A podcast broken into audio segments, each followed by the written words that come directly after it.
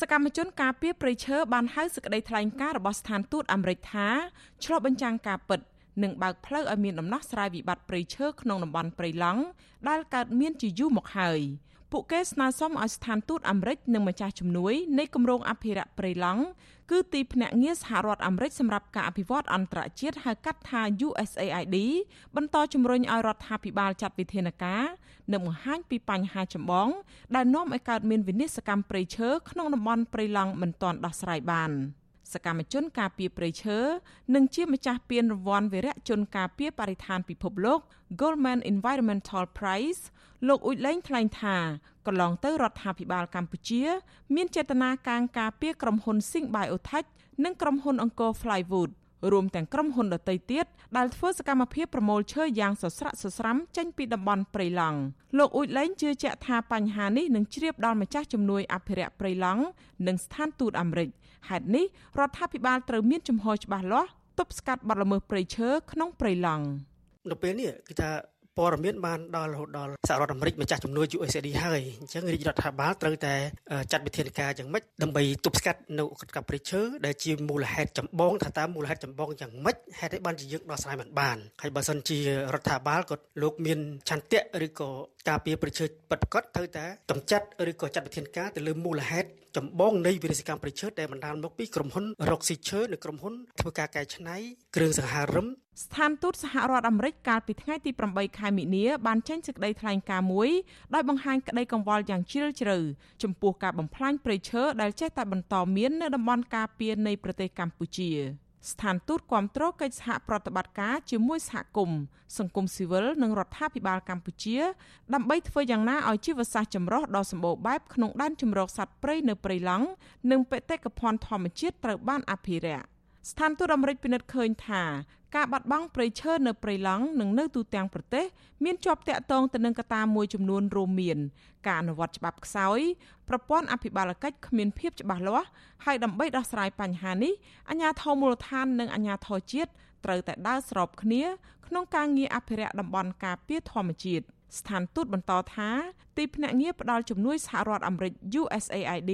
ធ្វើការដោះស្រាយបញ្ហាទាំងនេះដោយលើកកម្ពស់សមត្ថភាពបច្ចេកទេសគ្រប់លំដាប់ថ្នាក់ជំរុញឲ្យមានដំណាភាព និងគណនេយ្យភាពគ្រប់គ្រងការចូលរួមយ៉ាងសកម្មរបស់សហគមន៍ តាមរយៈគម្រោងព្រៃឡង់បៃតងរបស់ទីភ្នាក់ងារ USAID ជួយសមាជិកបណ្ដាញសហគមន៍ព្រៃឡង់ក្នុងការងារចុះល្បាតរួមគ្នាជាមួយក្រសួងបរិស្ថាន លើសពីនេះនឹងបន្តធ្វើការដោយផ្ទាល់ជាមួយសហគមន៍ព្រៃឡង់និងក្រសួងបរិស្ថាន ដើម្បីគ្រប់គ្រងកិច្ចពិភាក្សាក្នុងគោលដៅរួមការពារព្រៃឡង់ រីឯអ្នកនាំពាក្យក្រសួងបរិស្ថានលោកណេតភក្ត្រាវិញលោកឆ្លើយតបទៅនឹងសេចក្តីថ្លែងការណ៍នោះថារាជរដ្ឋាភិបាលកម្ពុជាតាមរយៈក្រសួងបរិស្ថានបានតាំងចិត្តខ្ពស់ដោះស្រាយបញ្ហាប្រឈមដែលកំពុងកើតមានក្នុងតំបន់ការពារធម្មជាតិលើសពីនេះក្រសួងធ្វើកំណែទម្រង់កិច្ចការពារនិងអភិរក្សការធ្វើទំនើបកម្មស្ថាប័នការបង្កើនសមត្ថភាពមន្ត្រី ការបំពាក់ឧបករណ៍ចុះល្បាត ការបង្កើតលិខិតបទដ្ឋានគតិយុត្តដើម្បីបង្កើនប្រសិទ្ធភាពក្នុងការអនុវត្តច្បាប់លោកណេតភក្ត្រាបន្ថែមថាបទល្មើសធនធានធម្មជាតិទ្រង់ទ្រាយធំឡើងកើតមានទៀតហើយនៅសល់តែបទល្មើសតូចៗប៉ុណ្ណោះលោកថាមូលហេតុដែលមិនអនុញ្ញាតឲ្យបណ្ដាញសហគមន៍ព្រៃឡង់ចុះល្បាតដោយសារបណ្ដាញនេះពុំទាន់ចុះបញ្ជីទទួលស្គាល់តាមច្បាប់នៅឡើយ ទោះបីជាយ៉ាងណាអ្នកសម្របសម្រួលបណ្ដាញសហគមន៍ព្រៃឡង់ខេត្តកំពង់ធំលោកហ៊ឿនសុភីបថ្លែងថាលោកសោកស្ដាយដែលរដ្ឋាភិបាល ជាពិសេសក្រសួងបរិស្ថានប្រើប្រាស់ជំនួយអភិរក្សព្រៃឡង់របស់ USAID មិនចំទិសដៅ។ លោកបញ្ជាក់ថា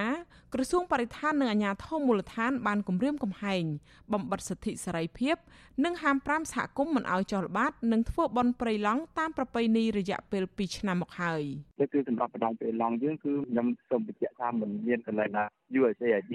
ផ្ដល់កិច្ចសហការណាមួយសម្រាប់ឲ្យយើងធ្វើការឬក៏សកម្មភាពល្បាតឬក៏សកម្មភាពអីផ្សេងផ្សេងទាក់ទងទៅលើការការពារធនធានធម្មជាតិនៅក្នុងតំបន់ព្រៃឡង់គឺអត់មានទិលទៅសោះក្រសួងបរិស្ថានគឺគេកំពុងតែមានការរើសអើងគេកំពុងតែរឹតបន្តឹងមិនត្រឹមតែមិនមិនធ្វើការជាមួយទេគឺគេថែមទាំងមានការគម្រាមកំហែងបិទសិទ្ធិសេរីភាព ប្រពៃណីសាសនា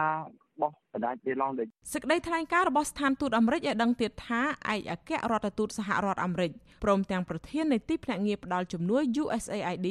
របស់ស្ថានទូតសហរដ្ឋអាមេរិកបានជួបជាមួយរដ្ឋមន្ត្រីក្រសួងបរិស្ថាន និងមន្ត្រីជាន់ខ្ពស់របស់លោកដើម្បីពិភាក្សាអំពីការបាត់បង់ព្រៃឈើនិងការរឹតបន្តឹងមិនឲ្យប្រជាជនកម្ពុជាចូលក្នុងតំបន់ការពារដើម្បីតាមដានសកម្មភាពតាក់ទងទៅនឹងព្រៃឈើស្ថានទូតអះអាងទៀតថា ទីភ្នាក់ងារ USAID បានផ្ដល់ដល់ក្រសួងបរិស្ថាននៅព័ត៌មានជាច្រើនលើកមកហើយតាក់ទងទៅនឹងសកម្មភាពកាប់ឈើខុសច្បាប់ក្នុងដែនជម្រកសត្វព្រៃឡង់ដើម្បីរុញឲ្យអាជ្ញាធរពាក់ព័ន្ធស៊ើបអង្កេត ក្រៅពីនេះទៀតការគោរពសេរីភាពក្នុងការនិយាយស្ដីនិងសេរីភាពតវ៉ាដោយសន្តិវិធី គឺជាផ្នែកចាំបាច់នៃលទ្ធិប្រជាធិបតេយ្យស្ថានទូតអាមេរិកជឿថាសិទ្ធិទាំងនេះការពារប្រជាជនកម្ពុជា ដែលកំពុងខិតខំអភិរក្សធនធានធម្មជាតិដែលមានភាពផុយស្រួយ